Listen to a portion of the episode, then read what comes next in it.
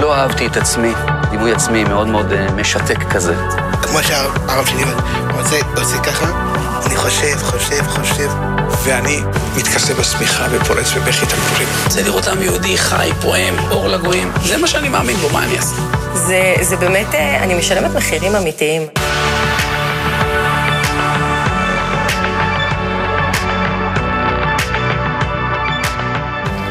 שלום דוקטור אביתר אה, נשר. ערב טוב. בית חולים בלינסון, אתה מכיר את אה, הרב אה, ישעיהו הבר? אנחנו הולכים היום לראיין אותו, ולפני שאנחנו מראיינים אותו, רציתי לשמוע אותך. מה אתה חושב עליו? אתה מכיר אותו ואיתו כבר כמה? שמונה שנים? אני מכיר את הרב הבר, אני חושב, כסביבות שמונה שנים. הוא עבר השתלת כליה בעבר, איש מדהים. לקח את פרויקט השתלות הכליה מהחי להיקפים ומימדים שאין שני להם בעולם. מפתיע, מספרים, מספרים אה, מדהימים. אה, אין לזה אח ורע בעולם. אה, כי מרכז ההשתלות הגדול במדינת ישראל, אני חושב ש-50 אחוז מההשתלות מהחי הם על ידי תרומים אלטרואיסטים בעזרתו של הרב. שהרב מביא? 50 אחוז. כן, והמספרים הם מדהימים. אני חושב שבעזרתו המון המון חולים מצליחים לרדת מדיאליזה ולעבור השתלת כליה. יודעים שהשתלות כליה מאריכות חיים בהשוואה לטיפול חלופי בדיאליזה. זה לא איזה עניין של נוחות או, או שיפור באיכות החיים, זה מאריך חיים. בסופו של דבר, אם אתם מקבלים מישהו, אז זה לא, זה לא מסוכן בשום צורה, בשום אופן?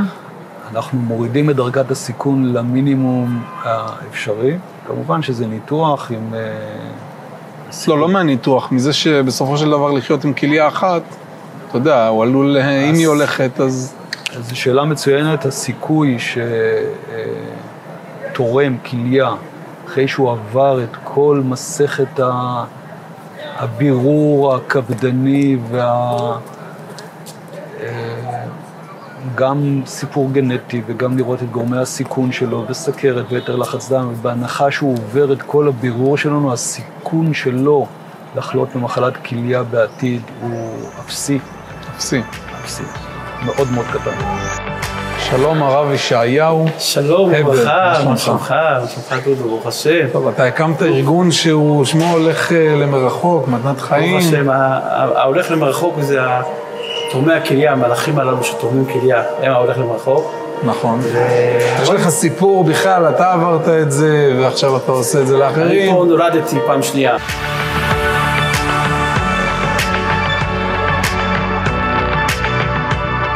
לפני עשר שנים בדיוק הקמת בעצם את אה, מתנת חיים.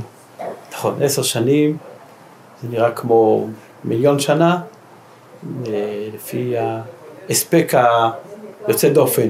אתה עוד זוכר את החיים שלך לפני? בלתי נשכח. היית מנהל... אה, היה, היו שני שלבים בחיים שלפני, אני אספר לך איך הגעתי לפה, ומה פתאום אני עוסק בדבר כל כך יוצא דופן של תרומות כליה. אני לפני 12 וחצי שנים לא ידעתי מה פירוש המילה כליה. באותה תקופה הייתי רם בישיבה, ובמקביל לכך ניהלתי בית ספר. ועבדתי משהו כמו 20 שעות ביממה, כשתקפה אותי חולשה, אז אמרתי, אני עובד מדי קשה, אז נחלשתי.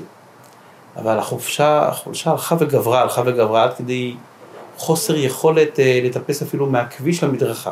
מתי זה היה? לפני כמה שנים? משהו כמו 12 וחצי שנים. ואז החלטתי שאני הולך לרופא. אני מגיע לרופא, ומסתכל עליי, אתה לא נראה טוב, מיד חדר מיון. אני נוסע לחדר מיון בהדסה עין כרם. בדיקת דם מראה שהכליות שלי לא מתפקדות בכלל. שתיהן. והתחלתי דיאליזה, כן. כשיש אי ספיקת כליות, הכוונה היא שבכלל לא תפקדות, אף כליה לא. אם בן אדם, כליה אחת שלא מתפקדת, הכל מצוין. לגמרי לגמרי בלי תפקוד כלייתי. אגב, למה זה קורה מבחינה רפואית? יש כל מיני סיבות, הרבה סיבות שיש, במקרה שלי בלתי ידוע. לא הצליחו עדיין לגלות מה, אבל מה... תופעה, אצלי זה היה אולי תופעת לוואי של בעיה בבלוטת התריס. יש שם כמה מחלות נפוצות, לחץ דם גבוה, סכרת, יש מחלות תורשתיות, יש אפילו כתוצאה מתרופות מסוימות שבני אדם לוקחים והתרופות הן גורמות לאובדן הכליות, יש כתוצאה מאיזה שהם וירוסים, יש מחלות תורשתיות, כל מיני סיבות שגורמות לכך לאי ספיקת כליות. אצלי האי ספיקת כליות נגרמה במהירות עצומה, ממש, כמעט הייתי אומר מהרגע להרגע, ואני מוצא את עצמי בחדר מיון בהדסה עם כזו קטסטרופה שהתחילו איתי דיאליזה מיידית. עד כדי כך שאני מתקשר בצהרי היום לאשתי, חזרה מעבודתה, מורה, אני אומר לה שאני בדיאליזה, היא אומרת לי, דיאליזה? אין לנו דודה עליזה, מה זה דיאליזה? אמרתי לה, לא דודה עליזה, דיאליזה. מה קורה? את מה- מי הלכת לבקר? היא שואלת אותי. אמרתי את עצמי, מה, מה עצמי? אבל מה זה עושה לבן אדם לעכל. שזה נופל לו? איך, איך אתה חווית את זה? אני, קשה לי לזכור את זה, זה היה מאוד, הייתי כולי טעון, זה אינטנסיבי. טעון באינטנסיביות של טיפולים, הלם מוחלט. אתה יוצא בבוקר לעבודה, ליום לימודים, אתה מסיים מוצא את אותו עצמך בדיאליזה. בצהריים מחובר למכונת דיאליזה, משהו קטסטרופה. ככה התחילה תקופה חדשה בחיים שלי, שאני מטופל בדיאליזה. מה זה מטופל דיאליזה? שלוש פעמים בשבוע, ארבע שעות נטו, זה אולי שש שעות ברוטו, עד שבאים, עד שמתחברים לדיאליזה, עד שפותחים, את ה- עד ש... עד ש... ועד ש... חצי יום, אדם מחובר למכונה, שבמשך ארבע שעות שואבת מגופו את כל הדם 70 פעם. כל דמו. או. יוצא למכונה 70 פעם, חוזר מסונן. זה דיאליזה. למה 70? לא מספיק פעם אחת? אה, כל פעם זה עובר, זה עובר קצת אה, צינון. זה- מכונת הדיאליזה באה בניסיון להחליף את הכליות. היא שואבת, מוציאה מהדם את עודפי הרעלים ואת עודפי הנוזלים שיש לו בגוף, מה שבדרך כלל כליות עושות. הכליות לוקחות מהדם את עודפי הרעלים והנוזלים ומייצרת מהם את הנוזל שמופרש מהגוף כל פעם שהאדם מתפנה. זה כתוצאה ממה שהכליות יצרו מעודפים שיש בדם. אין לאדם כליות, הוא צובר נוזלים, צובר רעלים, לא יכול לחיות יותר מאשר ימים ספורים. מכונת הדיאליזה נותנת לו חיים. אני מגיע למכון הדיאליזה בבית חולים משגב לדח בירושלים. אני מוצא לצידי בחור צעיר בן 19, תושב קריית ארבע, פנחס תורג'מן שמו, ואני אומר לו, ילד, מה אתה עושה בדיאליזה? מה בחור בן 19 מחפש במקום שבאותה תקופה חשבתי שזה רק למבוגרים מאוד. טוב, אומר לי, גם אתה צעיר, יחסית, הייתי בן 42, אבל... הוא מספר לי את סיפורו, שכשהוא היה בן שלוש, הוא קיבל השתלת כליה פעם ראשונה. נולד עם בעיה כלייתית. בהגיעו לגיל 16 בערך, אחיו היחידי, היה לו אח יחיד, יאיר, השם ייקום דמו, נפל בקרב עם מחבלים. היה חייל, במסגרת שירותו הצבאי נפל בקרב. כתוצאה מימי האבלות על יאיר, השם ייקום דמו, פנחס במשך שבוע ימים של השבעה שכח לקחת את התרופות או, נגד דחייה שכל מושתל חייב לקחת שלוש פעמים ביום. וזה בלתי הפיך. פעמיים ביום. והוריו שהיו שרויים באבלם לא הזכירו לו, וכתוצאה מאי לקיחת תרופות, הכליה המושתלת שלו נדחתה, הוא איבד אותה, שכן הגוף של בן אדם, הקדוש ברוך הוא ברא אותו עם כזו חוכמה, שהוא לא נכנע לשום שתל אף פעם. הוא מפרש את הכליה המושתלת כאילו איזה חיידק, כאילו איזה גורם זר. פה. תמיד. אז כל מי שמושתל צריך לקחת כל כל החיים מושתל, כדורים? כל חייו, חייב לקחת פעמיים ביום תרופות שמונעות את הדחייה של השתל. שבוע לא לקח תרופות, אין כליה. הוא חזר לדיאליזה, שם הוא מצא אותי, שם אני מצאתי אותו. הוא היה תלמיד ישיבה מישיבת קריית ארבע, מושבת מרבותיו. אני הייתי רב בישיבה, מושבת מתלמידיי. מה עשינו? הקימונו ישיבה בדיאליזה. רב אחד, תלמיד אחד, למדנו יחד, דיברנו יחד. צחקנו יחד, הרבה בדיחות המצאנו באותה תקופה. את רוב הבדיחות שאז אמרנו, הספקתי לשכוח. בדיחה אחת אני זוכר עד היום, כי תמיד יש לי מישהי שמזכירה לי אותה. באותה תקופה, חמותי הציעה לתרום לי כליה. ואני אמרתי לה, שוויגר, שוויגר, לא מספיק את מתערבת לי בחיים, את עוד רוצה להיכנס לי לתוך הקישקס, יש גבול. כן. ככה בתור אה, בדיחה. ככה חילקנו, חלקנו את הימים, כל פעם, שלוש פעמים בשבוע אנחנו מגיעים לאותה משמרת, יושבים בכורסאות סמוכות, פנחס מגיע, אני עם כל הצער, עם כל הכאב, זה ייסורים מאוד גדולים, אה, דיאליזה. עברנו ככה תקופה, הייתי על ידו קרוב לשנה. בסייעתא דשמיא אני זכיתי לצאת להשתלה מתרומה של חבר קרוב, כעבור קצת פחות משנה, בימים שבהם לא הייתה מודעות לתרומות כליה. והיה ברור לי שאני יוצא משם, אני לא משאיר את פנחס מאחור. איך זה קרה, אבל איך החבר החליט לתרום לך? זה היה סיפור מאוד מורכב, זה חבר שמעדיף לשמור על חיסיון של שמו. אחד שהיה לי, היה לו חובת הכרת הטוב אליי מאיזשהו סיפור אחר, שהוא מעדיף שאני לא אגלה אוקיי. אותו, אז בא, התעקש, עמד על זכותו לתרום לי כליה, ואני עברתי השתלה. פה, בבית חולים בלינסון, קומה חמש, חדר ארבע, הייתי מאושפז, עברתי השתלת כליה ברוך השם. בריא יצאתי משם, שמח, לחיים חדשים ומאושרים, אבל פנחס נשאר בדיאליזה, אני לא משאיר אותו שם. התחלתי לעשות פעולות הסברה כדי להוציא את פנחס, למצוא תורם כליה לפנחס. איך ניסית? קנית, קניתי מדפסת, קניתי מחשב הביתה, לא היה לי כלום. למדתי להקליט כמו, כמו אחד שעוד לא יודע בקיצור, להקליט. שיטות אה, פרימיטיביות. חמש דקות עד שמוצאים איפה השין, איפה הדלת. הקלטתי איזה פתקית, תליתי אותה בבתי הכנסת בשכונת מגוריי בהר נוף, בירושלים. מצאתי תורם לפנחס. התחלנו את הבדיקות ואת הוועדות לקראת ההשתלה המיועדת. כל התהליך הזה נמשך שבועות וחודשים. הגיע כבר השלב שבו נקבע תור להשתלה לפנחס. שבועיים לפני המועד המיועד להשתלה שלו, טלפון מאבא של פנחס, מבשר לי שפנחס קיבל דום לב בדרך לדיאליזה ונפטר. שני בנים יחידים של משפחת תורג'מן. יאיר, השם ייקום דמו, נפל בקרב. קרב. פנחס בדיאליזה. ואז מה, זה מוביל יום אותך להחלטה? פטירתו של פנחס, זה היה יום ההולדת של מתנת חיים. באותו יום החלטת את זה? באותו יום הייתי בהלם מהאובדן, הייתי מאוד קשור אליו. הרגשתי כל כך רע עם המחשבה, שני בנים יחידים להוריהם. לא חבל, אפשר היה להציל אותו בקלות.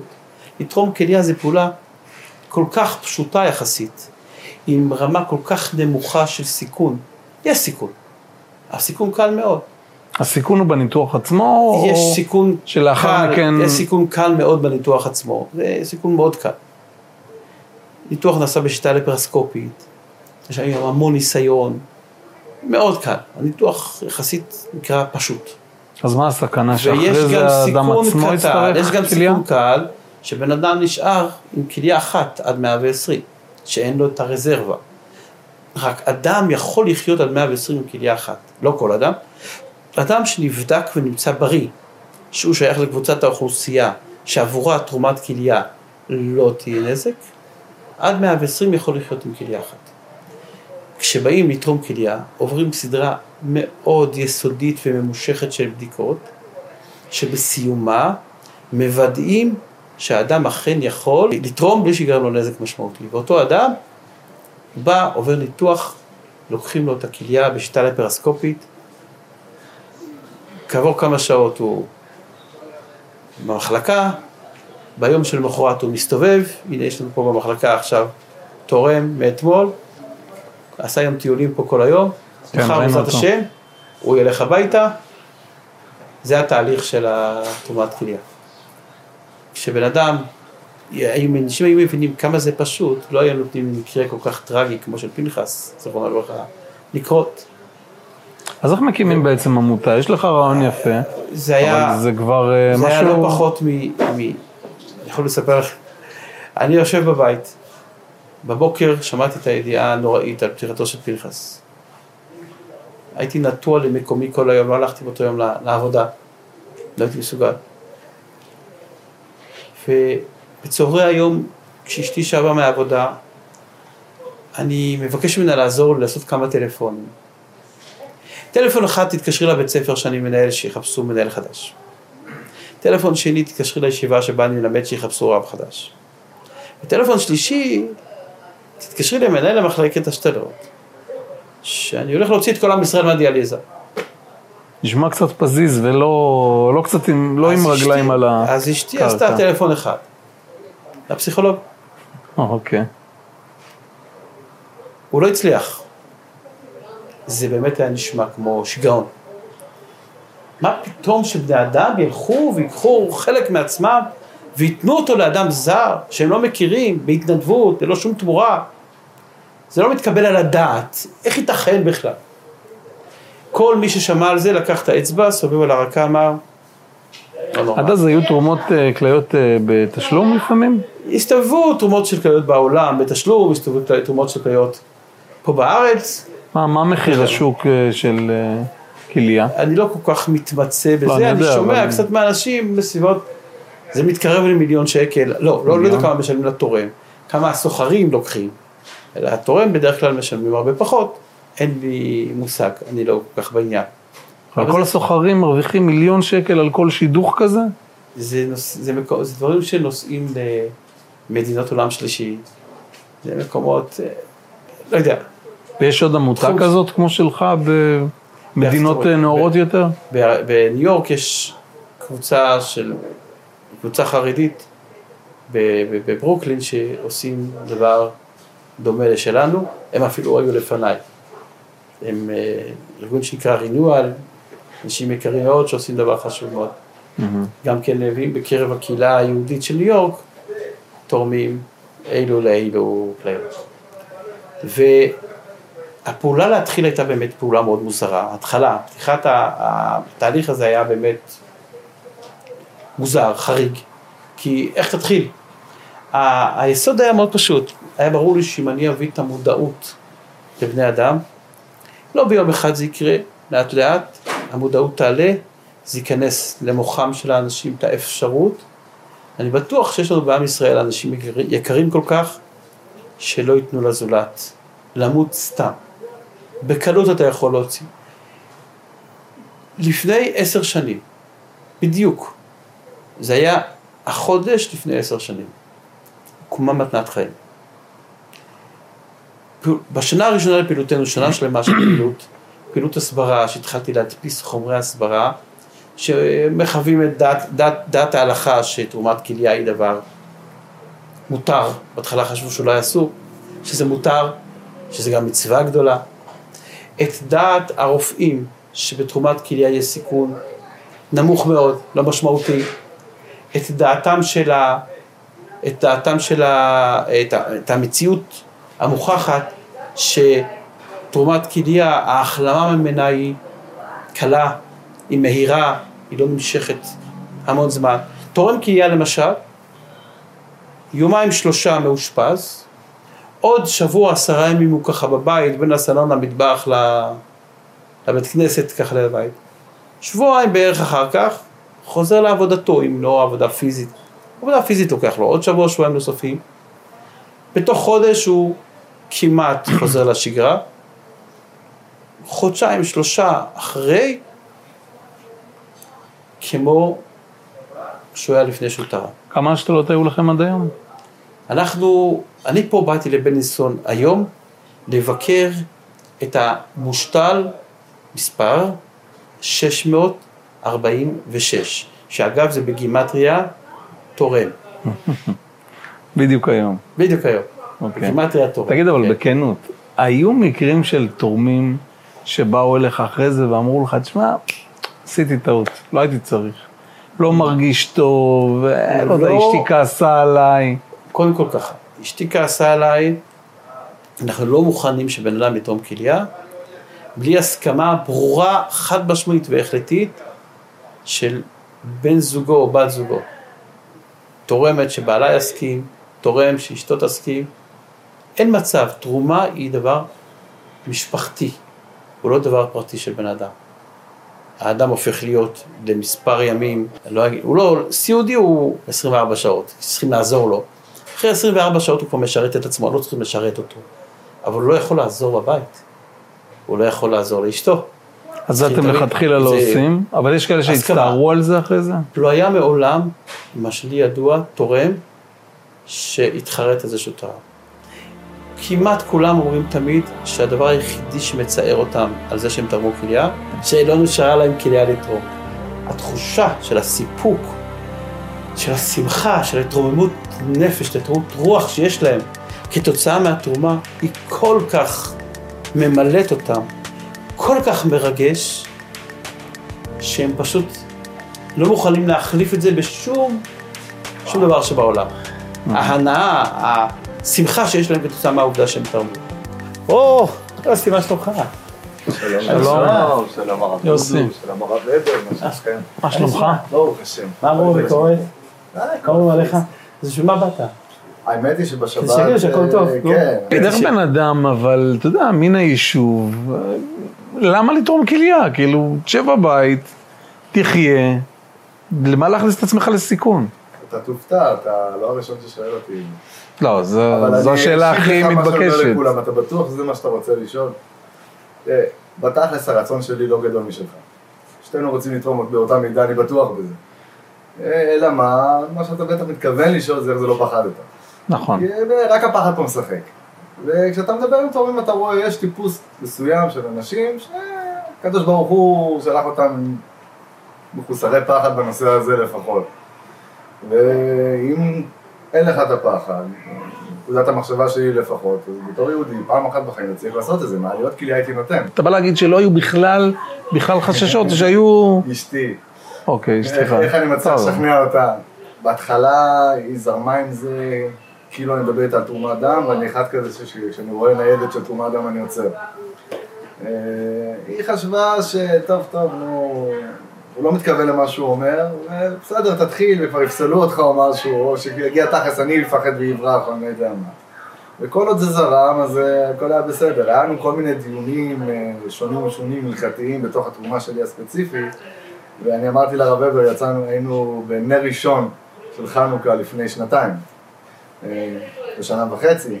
את החנוכה לא האחרון שלפניו, נכנסנו לקודש פנימה לרב חיים קניבסקי, שייתן מה שנקרא פלומבה, אישור אחרון לתרומה הזאת, לתרום לאותה אחת שתרמתי לה בסופו של דבר. ואחרי שרב חיים, אה, זה היה לא פשוט להוציא ממנו את, ה, את הקן המיוחל הזה.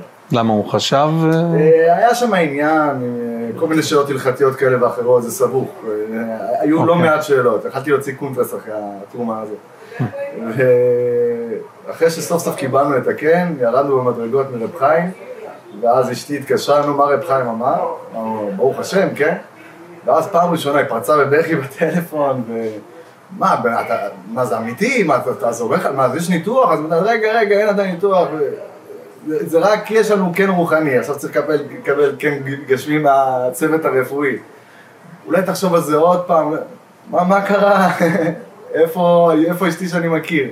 אמרתי לרב הבר שסגרתי את הטלפון, עכשיו אני מבין שזה אמת. גם רב חיים אמר כן, גם סוף סוף אשתי מתחילה לעשות בעיות, זה לשם, הכיוון הוא נכון. אבל אנחנו לא נותנים לתרום בלי שהאישה כן, מסכימה, כן, זה היה אבל, ברור. היא אבל קיבלה הסכימה לגמרי. אגב, אתם לא נותנים לפעמים לתרום כשאתם רואים שהתורם עצמו לא כל כך סגור על עצמו? אין מצב. אם התורם לא החלטי ונחוש, זה שהתורם מהסס, הכי הגיוני שבעולם. מי שלא מהסס, מי שאין לו המוזר. אף רגע של היסוס ושל הירתות, הוא נפסל במקום, הוא מראה סימנים של חוסר שפיות. אדם נורמלי מפחד. מי שלא מפחד הוא לא נורמלי. מי שמפחד ומתגבר על הפחד, בגלל החשיבות של המטרה שלקראתה הוא הולך, הוא ראוי לתרום. מי שלא מפחד הוא שייך למקומות שבהם נמצאים אנשים שאין להם, אה, לא שפויים. ואחרי הניתוח עצמו, דיברת קודם על ה-24-48 שעות הראשונות, היו רגעים של כן חרטה? לא, חרטה בשום פנים ואופן, לא. אני, עד, עד שלב הניתוח, היו אה, אלו שהם, כלומר, אה, לא, לא, לא יודע איך להגדיר את זה, כי התהליך היה ארוך. זה נסחב לשנתיים מאוד מאוד מייגעות. אה, מאוחר יותר רק הבנתי שבעצם הסיבה, חלק מהסיבות, אם לא הסיבה העיקרית שהיה לזה, זה היה הבלגן שעשו לרב הבר, בפרט במתנת חיים בכלל, עם כל הבלגן המשפטי שהיה שם, אה, שזה עיכב מאוד את התהליך, אבל כאילו, אתה יודע, אתה מרים עיניים ואומר, אבא, למה? אני מוכן לתת כליה, כאילו, קח אותה כבר. ולא, ולא, ולא, ולא, ולא. רק אחרי שנסגר סוף סופית סופנית, מה שנקרא כל הסיפור הזה, פתאום מתחבר לך כל הפאזל, אתה מבין כאילו על מה היה הקושי. כי אני חושב שכל אחד צריך שיהיה לו איזשהו קושי מסוים. ברובם עיקר הקושי זה באמת הקושי להתגבר על הפחד, אצלי הקושי זה היה למצוא את התורם. והיה מאוד מאוד סבוך, אבל ברוך השם, זכינו למה, למצוא מה? את בשרט שלנו. מה, לפעמים קשה גם למצוא תורם? לא טוב, את המועמד להשתלה, היה, היה התלבטות של מי יהיה המועמד להשתלה, זו החלטה לא קלה. למי, יש כל מיני אופציות למי לתרום, כמה שם- נמצאים היום ברשימת הממתינים שלך?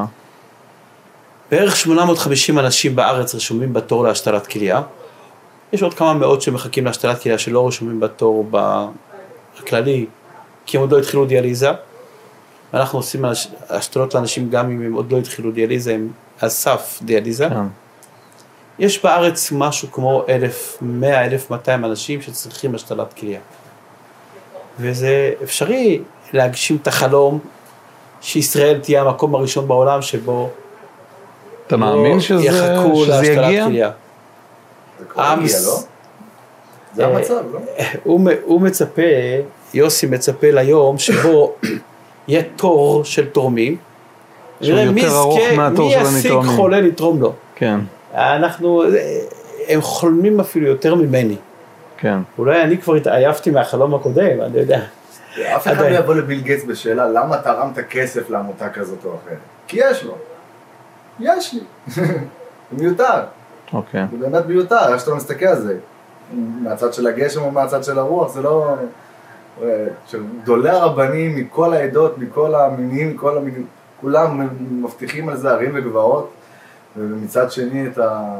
אתה יודע, סתם דיבר איתי חילוני גמור, אתאיסט. הוא אמר לי, בוא נשים לרגע, בוא נניח רגע את האלוקים שלכם בצד. אם הוא לא היה קיים, היית עושה את הדבר הזה? מה זה תקשיב? אם אתה צריך מחר, אימא שלך, בן שלך, לא עלינו טפו טפו טפו וכו' וכו', אבל זה, אתה קונה ביטוח, זה כמו בתרומת דם, אם תרמת דם ובמקרה ואתה נמצא ישר ב... אה, מי שתורם הוא קונה לעצמו אה, קדימות? לך ולשבעת הקרובים שלך. איזה מבט שלא תסתכל על זה, 100 אחוז, זה השקעה ש, ש, שמביאה לך 100 אחוז תשואה. מה פתאום להשאיר אותה אצלך להירקב, זה- יאכלו עוד סטאט, שבתולעים בקבר יאכלו אותם דווקא, דרך הקבר שלך ולא דרך ה... אוקיי. תגיד, זה לא משהו שהמדינה הייתה אמורה לעשות בכלל? זה הדבר הראשון שאתה מכיר במדינה שצריכה לעשות ולא לא מוש, לא נעשה מושלם. יש דברים שהמדינה לא יכולה לעשות לו. לא, אבל מה הבעיה יש- לממן אה, מישהו כמוך? זה, שמתנת חיים זה משפחה, זה לא תורמי כליה. משפחה, כל הליווי, כל החיבוק, שכולנו ממש נהיים כמו אחים. התורמים והמושתלים. בשבילי יוסי זה עוד אח. הקשר שלנו הוא גם הנפשי וגם ה...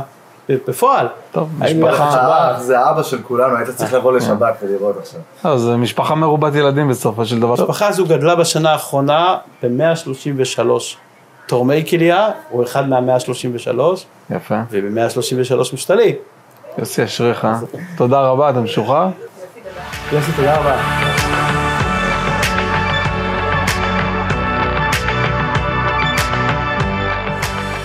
דיברנו עכשיו עם יוסי, ואני חשבתי לעצמי, כמה אחוזים מהתורמים הם אה, דתיים, חרדים, אה, ואני נזכר גם שקראתי לא מזמן איזשהו פוסט או כתבה, לא זוכר, של מישהו חילוני שתרם אה, כליה דרככם, והוא אמר שהוא היה באיזושהי תמונת אה, מחזור כזאת, והוא הסתכל והוא לא מצא כל כך אה, חילונים. למה זה קורה? המצב הוא ככה, עד כה, דרך מתנת חיים תרמו 646 אנשים, מתוכם למעלה מ-630 אנשים דתיים. אה, משהו כמו מחציתם מהמגזר החרדי וכמחציתם מהמגזר הציונות הדתית, כיפות סרוגות, היה 16 תורמים שאינם דתיים, בלבד. זה באמת חסר פרופורציות לשיעור באוכלוסייה. המושתלים לעומת זאת, הם מכל המגזרים בעם. אבל התורמים, בעיקר אנשים דתיים. איך אתה מסביר את זה בלי, בלי פוליטיקלי קורקט אבל? לא, האשמה המרכזית היא בי. אני פעילות הסברה מאוד נרחבת שביצענו, ביצעתי בעיקר במגזרים הדתיים. קודם כל, מהיעדר משאבים התחלתי במגזר החרדי, כן. התרחבתי במגזר הדתי-לאומי ודוברי האנגלית בארץ. עדיין לא מצאתי את היכולת לפרוץ גם למגזרים שאינם דתיים לחלוטין. זה משאבים מאוד גבוהים של הוצאות פרסום. אבל יש פה גם כן את המרכיב האמוני, כשבן אדם הולך לעשות פעולה כל כך משמעותית של להיכנס לחדר ניתוח ולהיפרד מאיבר בגופו, אם הוא חי עם אמונה ששומר מצווה לא ידע דבר רע, שלא יענה לו שום רע בעקבות מצווה שהוא עושה, והוא יודע שהכל מושגח מלמעלה, שהקדוש ברוך הוא שומר ומשגיח על כל אדם, זה נותן לו את העוצמות, את הכוחות לעשות פעולות. יש גם את הדבר המאוד פשוט, שבדרך כלל אנשים שמוכנים להקריב מעצמם, מהסדר יום שלהם, מהחיים שלהם, בשביל אידיאלים, בשביל ערכים, אין אם זה ערכי שמירת התורה, או כל ערך ואידיאל אחר, הם על בעלי נכונות יותר גבוהה להקריב מעצמם בשביל האידיאל של להציל חיים של מישהו. ויש פה משהו מאוד מאוד, נקודה מאוד מרכזית, שאני חושב שזה הדגש העיקרי. אני נתקל, אתה מתאר לעצמך שדיברתי עם עשרות אלפי בני אדם בנושא של תרומת כליה. אני נתקל תמיד באותה תגובה, תראה, אם זה היה לאח שלי, הייתי תורם. לאבא שלי, לבן שלי, הייתי תורם.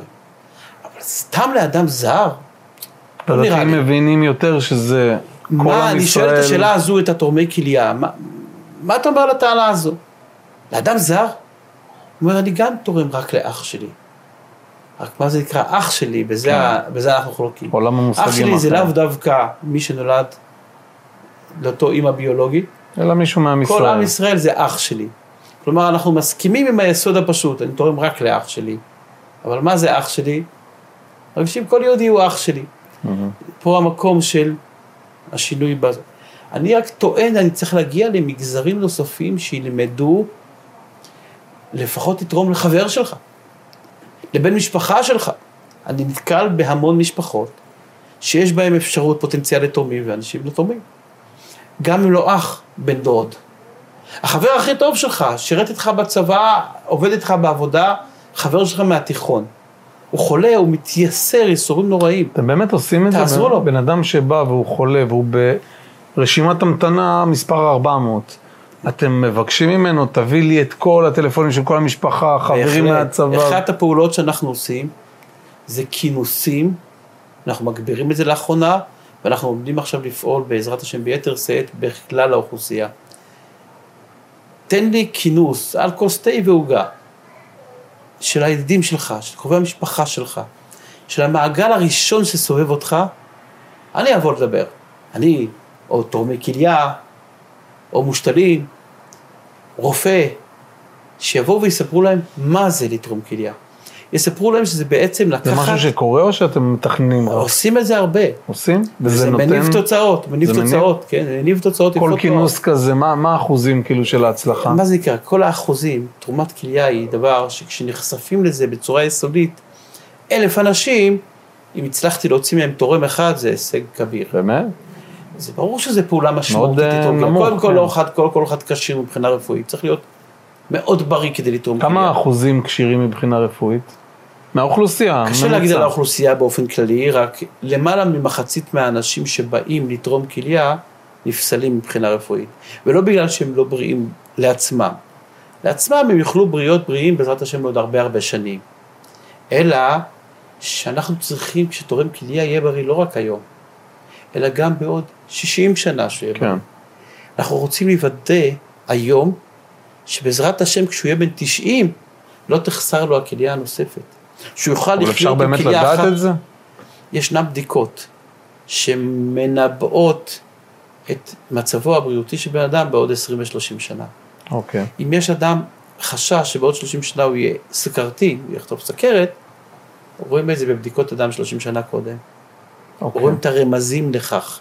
ישנם דברים שאפשר, בדיקות יסודיות שאפשר לשער במרבית המקרים. כמובן שמתעניינים גם על הרקע המשפחתי, על מצב תורשתי גנטי של המשפחה, מצב בריאותי של המשפחה.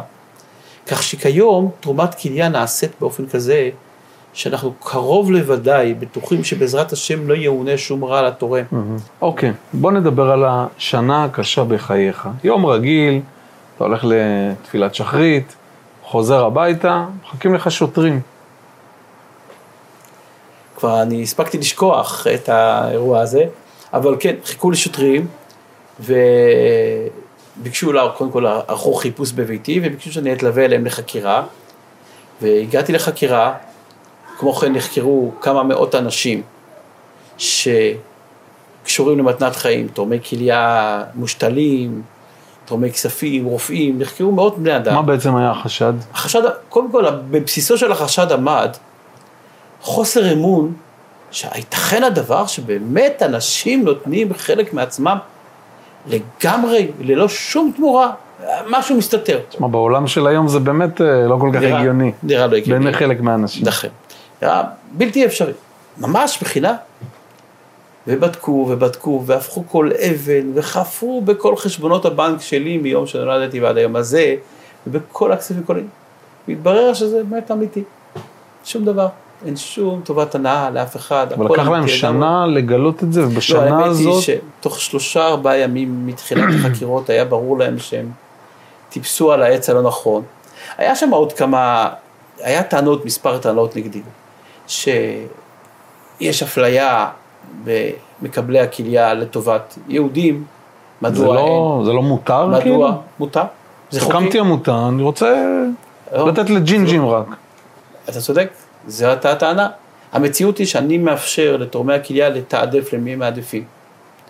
ותורמי הכליה כמעט כולם אומרים שאני מעדיף לתרום ליהודי. ומי שמעדיף לתרום יהודי, אני אתן לו לתרום למי שהוא מעוניין. זה הכל.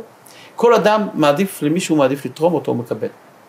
הוא רוצה לתרום דווקא לצעיר, או דווקא לגבר, או דווקא לאישה, דווקא לאחד שלא מעשן, או דווקא לאישה שהיא בתקופה שמטופלת בילדים קטנים כדי לעזור לה להיות אימא יותר, או לאיזה בחור ש, שהוא במצב בדיאליזה שהוא לא יכול היום להביא ילדים לעולם, ובזכות זה תתאפשר לו הבאת ילדים לעולם, וכדומה.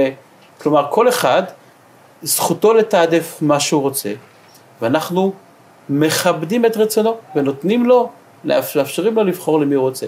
אז הייתה טענה עליי, מדוע כמעט ואין בני דודים. בני מיעוטים במקבלים?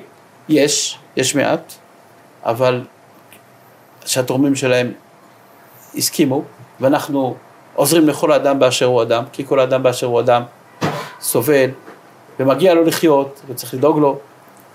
בצלם אלוקים ברא את האדם. אבל כמובן שנותנים לתורם לתעדף למי הוא מעדיף לתרום, והוא מה שהוא בוחר. אבל איך אתה מרגיש הייתי- בבוקר כשלוקחים אותך ועוד אזקו אותך גם, אתה יודע, כדי להגביר את האפקט? איך אני מרגיש תחושה עילאית של קרבת השם. לא, אבל אתה יודע. היום אתה מרגיש את זה, אבל לא, כאילו אז בזמן. אמת. בזמן אמת הרגשתי תחושה מדהימה של הקדוש ברוך הוא איתי, של אין עוד מלבדו. אבל אם הוא איתך, אז איך כביכול זה... זאת אומרת. לא התגנבו אה, חשש... לא, זה רצון, מחשבות זה כאלה? רצון השם, הרגשתי, באתי לחקירה, הייתי נינוח. קודם כל הייתי נינוח ורגוע ומחוייך, מהסיבה כל כך פשוטה, כי ידעתי במאה אחוז שאצלי הכל צח, זך, נקי ומושלם, לא היה לי צל צילו של ספק שלא יימצא משהו אחר. אבל מעבר לזה, ברור שזו תחושה של השפלה, והכאב הגדול הוא החשש שמא מפעל חיים עצום כל כך יורד לטמיון חס ושלום. וללא ספק היו רגעים מאוד קשים. היו רגעים ששקלת רגעים לסגור את ה... שהחלטנו לסגור את העמותה. ממש החלטנו לסגור. אני זוכר ערב אחד, אחרי כל הרדיפות הללו, אני יושב עם רעייתי, ואנחנו אומרים, אולי די, אולי עשינו מספיק. שנים. נתנו את החיים כפשוטו. לא יום ולא לילה, לא שבת ולא חג, אצלנו החיים שלנו ציר, חיינו סובב סביב, לעזור לאנשים לעבור השתלת כליה. הייתי שם, אני יודע מה זה דיאליזה. אולי הגיע הזמן לסגור. לילה אחד הלכנו לישון מתוך מחשבה שזה- שמחר אנחנו מתחילים בפעילות סגירה, עשינו מספיק, עכשיו שיעשה מישהו אחר. מוקדם בבוקר, הייתי אומר לפנות בוקר, הטלפון שלי מצלצל. על הקו מדברת אישה, תושבת הצפון. מדברת זה מילה יפה, בוכה, ממררת בבכי. דקות ארוכות, לא הצלחתי להרגיע אותה, עד שהתחילה לספר מה שעובר עליה.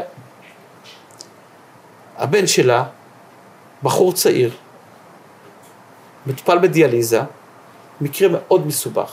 בעוד שכל חבריו ממשיכים את החיים, לומדים, משחקים, מטיילים, הוא תקוע בדיאליזה, נעצרו לו החיים. הוא ראה כתבה בתקשורת, מכפישה, אחת הכתבות המכפישות עלינו, והוא אמר לאימא שלו, מן הסתם עכשיו יסגרו את מתנת חיים. ואם יסגרו את מתנת חיים, אז מי יעזור לי לקבל השתלה? אז אין לי סיכוי. הוא הלך לישון שבר כלי. בהמשך הלילה, אמא שלו שומעת רעשים מחדרו, היא הלכה לראות מה קורה, והתברר לה שהוא כל כך התרסק, שהוא ניסה חלילה לשלוח יד בנפשו. כמובן שהיא הצילה אותו, והיא התקשרה אליי בוכייה, מה עושים איתו? אמרתי לה, תביאי לי אותו מהר, אני אדבר איתו, אני אנסה... הוא אומר לי, הרב הרי בטח כבר לא יעזור לי, אז בשביל מה אני אחיה? אמרתי לו, אני מבטיח לך, שבלי נדר, עד שאתה לא מושתל, אני לא סוגר את העמותה. הוא מושתל היום? הבטחתי, בבוקר אני אומר לאשתי, תשמעי, הבטחנו. ממשיכים, רודפים אותנו, שירדפו, אנחנו עד הסוף, בעזרת השם. בטח שהוא מושתל. מושתל. לפני מספר חודשים הוא עבר פה בבלינסון השתלת כליה, ואז כשאנחנו עוברים פה במסדרון, אני אומר לאשתי, נו, סוגרים? צחקנו, מה סוגרים? תראה אותו, תראה אותו, תראה אותו, אנשים חזרו לחיים, תחיית המתים, אנשים היו יום קודם, אפורים כאלה, נראים כמו למוזלמנים האלה משהו מזעזע. חיים, מטיילים, מגדלים משפחות, חזרו לחיים. אתה יכול לסגור דבר כזה? אתה רואה איזה עם נפלא יש לנו, איזה גאווה להיות בן של העם הזה. אין לזה שום אח ורע בשום אומה ולשון. מספר תרומות הכליה האלטרואיסטיות, כלומר תרומות כליה לאנשים זרים, שהיה בישראל בשנה האחרונה, יותר גדול מאשר כל המדינות הבאות יחדיו. ארה"ב, קנדה, צרפת, בריטניה, גרמניה, אוסטריה, כך גם הולנד על החשבון. אור לגויים, נו מה. אור, בישראל לבדה, הקטנה הזו, אין לזה אח ורע בשום מקום. את זה לסגור? אור לגוי. בסופו של יום עוד כל העולם יבוא ללמוד מאיתנו, וכבר באים ללמוד מאיתנו איך עושים את זה. איך עושים את השינוי התודעתי הזה. זה מהפך מחשבתי, מהפך חברתי הגדול ביותר שהיה פה בארץ עשרות שנים. בני אדם באופן סדרתי נכנסים לחדר הניתוח, נפרדים מחלק מעצמם, בהתנדבות, לאדם שהם לא מכירים, ומאושרים. מגיעה אליי אישה. אני רוצה לתרום כליה. אני אומר לה, מה, למה? אני כל אחד שואל אותו, מה מביא אותך? אז היא מוציאה לי מהכיס פיסת נייר. היא מראה לי, מסתכל, אני רואה תמונה, חמישה ילדים, בן שבע, בן תשע, בן אחד עשרה, בן חמש, כאלה ילדים מפאות מסולסלות כאלה, מתוקים. אומר לה, לא, ילדים מאוד חמודים, אבל איפה התשובה, אני רואה פה חמישה ילדים, אני רואה פה עשר כליות, אבל איפה, ה... איפה התשובה לשאלתי? היא תראה, זה המתנות שהקדוש ברוך הוא נתן לי. יש לי גם בעל טוב, ברוך השם, יש לנו פרנסה מסודרת, יש לנו כל מה שאנחנו צריכים. זה המתנות שהשם נתן לי, דעו, מה אני נותנת לו בחזרה. אני רוצה לתת למישהו, למישהו חיים. טוב, תשמע, אין לי מילים, אני מראיין הרבה אנשים אה, חזקים, הרבה אנשים משמעותיים. סיפור... אה, אה, אין מילים, פשוט אין מילים. תודה רבה, רעיון מאוד מחזק. ומיוחד. תודה שיהיה. בהצלחה. תודה. רבה גם לכם. מוזמנים לפנות מתנת חיים.